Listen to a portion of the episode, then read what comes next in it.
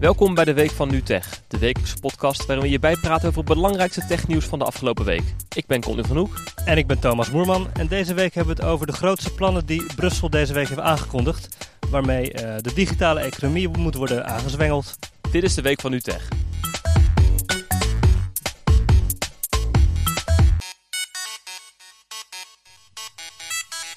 Afgelopen week werd dus een plan geïntroduceerd om van Europa één digitale markt te maken en zo alle belemmeringen op het internet weg te nemen, zodat het allemaal makkelijker wordt voor alle inwoners van de EU, dus ook voor ons Nederlanders, om op internet dingen te bestellen, dingen te bekijken en überhaupt om toegang tot internet te krijgen. Dat is een heel ambitieus plan. Het moet 415 miljard euro aan extra economische groei gaan opleveren. In heel Europa. In dus heel Europa. In ja. Nederland. Zeker niet alleen in Nederland. Um, de komende 18 maanden worden al deze voorstellen stuk voor stuk ingediend vanuit de commissie. En dan kan het Europees Parlement en de Europese Raad moeten daar nog een keer overheen. Dus het is echt een meerjarenplan. Um, veel weten we ook nog niet precies. Het is vooral dat we nu weten wat de Europese Commissie wil. Nog niet per se hoe ze het exact gaan doen. Toch gaan we het een beetje proberen uit te leggen.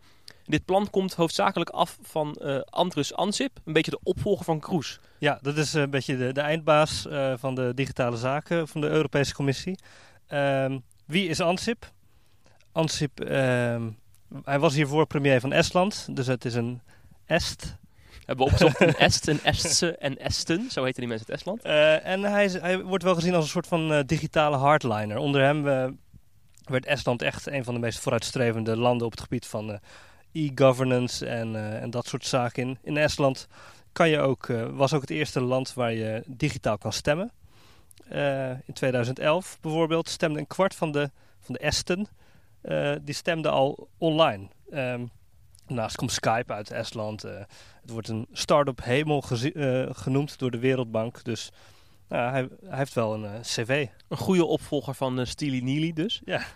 hij heeft een heel ambitieus plan neergelegd. En wij gaan eigenlijk de drie belangrijkste onderwerpen eens even daaruit belichten. En het eerste onderwerp is dat webwinkelen een stuk makkelijker moet worden in andere landen eigenlijk. Nu is het vaak zo dat je gewoon bestelt bij een webwinkel die in je eigen land gevestigd is. En de Europese Commissie heeft onderzoek gedaan waaruit blijkt dat 85% van Europeanen online producten koopt alleen uit eigen land.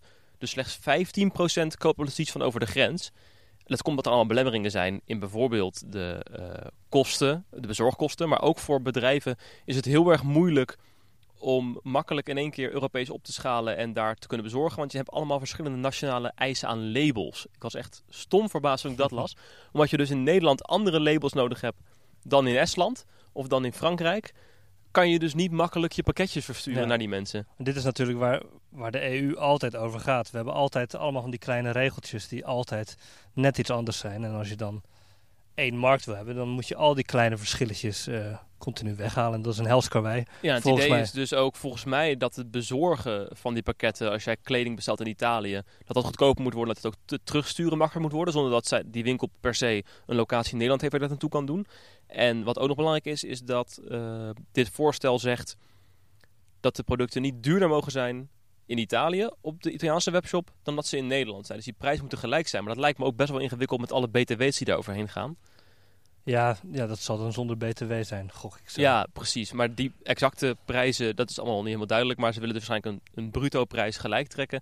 Dat betekent dus dat er veel meer concurrentie komt. En het moet ook vooral ervoor zorgen dat kleine uh, webwinkels en middelgrote webwinkels veel eerder naar andere landen kunnen uitbreiden.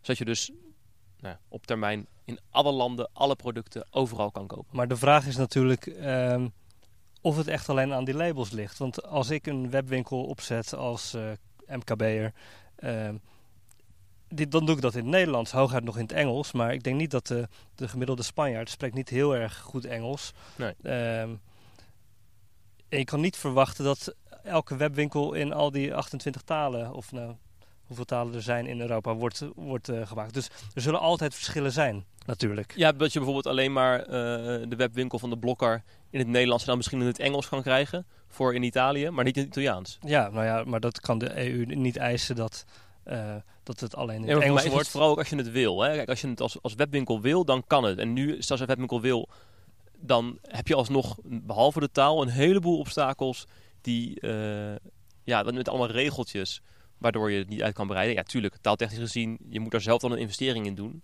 Ja. Maar je hoeft in ieder geval niet 30 verschillende labels te hebben en eh, per verzonden pakketje eh, een heleboel kosten te maken om dat daarheen te krijgen. Dat is volgens mij het idee. Eh, dit plan moet volgens mij ergens begin 2016 ingediend worden. Dus dan weten we exact wat er moet gaan gebeuren. Maar het idee is dus dat je Europees breed lekker gaat webwinkelen. Ik heb het idee dat wij hier als, eh, als eh, consument niet heel erg veel van gaan merken. Hooguit dat je op een gegeven moment merkt, oh, eh, er wordt me iets aangeboden uit Duitsland. Maar dat je er niet eens echt over nadenkt. Nee, maar dat is juist de bedoeling natuurlijk. En nu heb je vaak bijvoorbeeld Engelse kledingmerken. Die worden dan weer verkocht via Nederlandse webwinkels. Omdat ze zelf niet hun producten online makkelijk kunnen aanbieden. Maar dat gaat dus dan verdwijnen. Je kan dan gewoon naar de site gaan van je favoriete kledingmerk. En dat dan makkelijker krijgen. Maar dat, daar moet je juist hopelijk niets van merken inderdaad. Goed, dan ehm, geoblocking. Ehm Ansip zei volgens mij eerder dit jaar al een keer ehm, dat hij diep in zijn hart geoblocking haat. Leg even uit, wat is geoblocking? Ja, dat is dus, eh, hij gaf toen ook zelf al het voorbeeld. Hij is dus een Est en hij werkt in Brussel. Wat als je nou Estlandse televisie wil bekijken als je in het buitenland zit. Ik heb in Engeland een tijdje gestudeerd. Jij hebt ook in het buitenland gestudeerd. Ik wilde dan wel eens een programma terugkijken eh, eh, uit Nederland op, een, op internet. En dan werd het geblokkeerd. Omdat het, dat ik niet in Nederland Nou ja, was. de Eredivisie is bijvoorbeeld zoiets waar eh, altijd eh, moeilijk wordt gedaan met... eh, ja, dat kan je nooit kijken in het buitenland.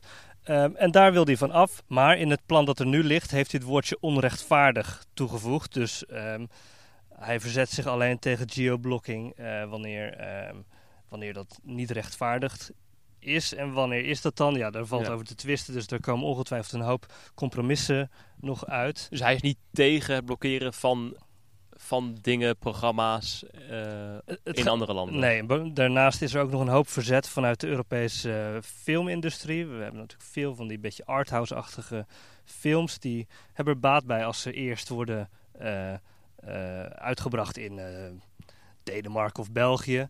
En dan daarna pas stap bij stap worden verkocht aan andere landen. En als wij dat allemaal zouden kunnen gaan streamen, ja, dan wordt, je, wordt dat de dood van die hele industrie. Dus hij heeft ook al gezegd, dat gaat ook niet gebeuren. Waar het wel over gaat, waar het vooral op neerkomt, is dat ehm, ja, als je in België woont en ja, via dezelfde site of zoiets een auto bestelt als in Nederland, dat het nooit meer mag kosten. Ja, maar is dus niet zo dat ze gaan zeggen... Oké, BBC maakt hele vette programma's. Die wil ik heel graag kijken op de site van BBC. Alleen dat kan nu niet, want ik ben niet in Engeland. Ik kan dat niet via hun, eh, hun on-demand dienst bekijken. Het is dus niet zo dat ik dat zometeen wel kan bekijken. Nee, eh, dat is ten eerste een hele grote eh, inkomstenbron van de BBC. Ten tweede kan je afvragen, is het eerlijk als alle Engelsen hun belastinggeld uitgeven aan een hele goede publieke omroep?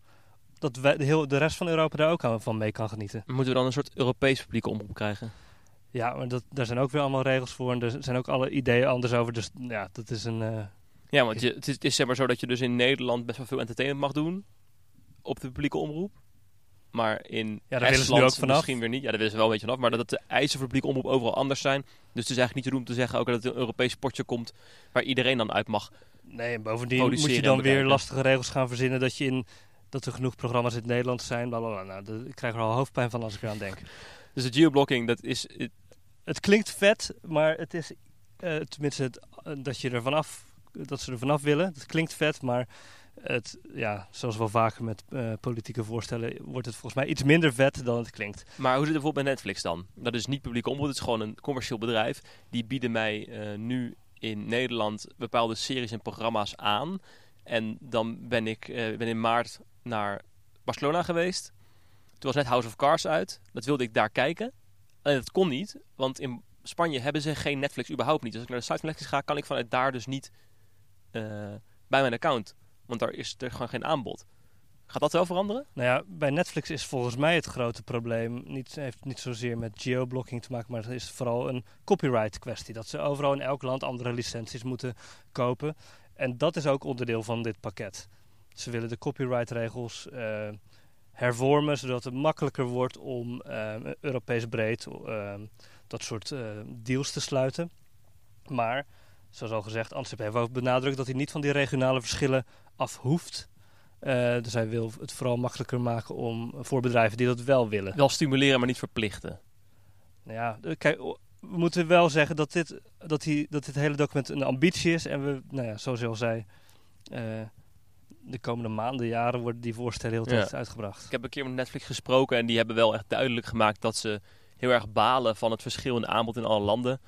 Uh, dat het dus in Nederland, in België, in Engeland en Amerika heel ander aanbod is. Dat zij het liefst gewoon eigenlijk globaal in één keer alles zouden inkopen. Of in ieder geval dan in Europa in één keer alles zouden inkopen. Dat begrijp ik wel. Ik denk wel dat het heel moeilijk is, omdat al die rechten al voor heel veel jaar vast liggen. En natuurlijk voor de filmmaatschappijen en, en de bedrijven, de productiebedrijven, levert natuurlijk heel veel op als zij al die dingen los kunnen verkopen aan aan vier partijen in dat land, aan vier partijen in dat land. Dus dat is, dit is echt nog wel een, wordt wel een flinke strijd als je dit eruit wil krijgen. Het zou wel, volgens mij, is dit punt dan weer heel erg merkbaar voor de consument als het zou veranderen. Als jij Netflix gewoon op Netflix ineens alles kan krijgen wat er in de hele wereld op Netflix in welk land dan ook beschikbaar is. Ja, nou ja, we gaan het... Uh in de komende vijf jaar merken. Voor vijf jaar komen we hierop terug, beloofd. Ja.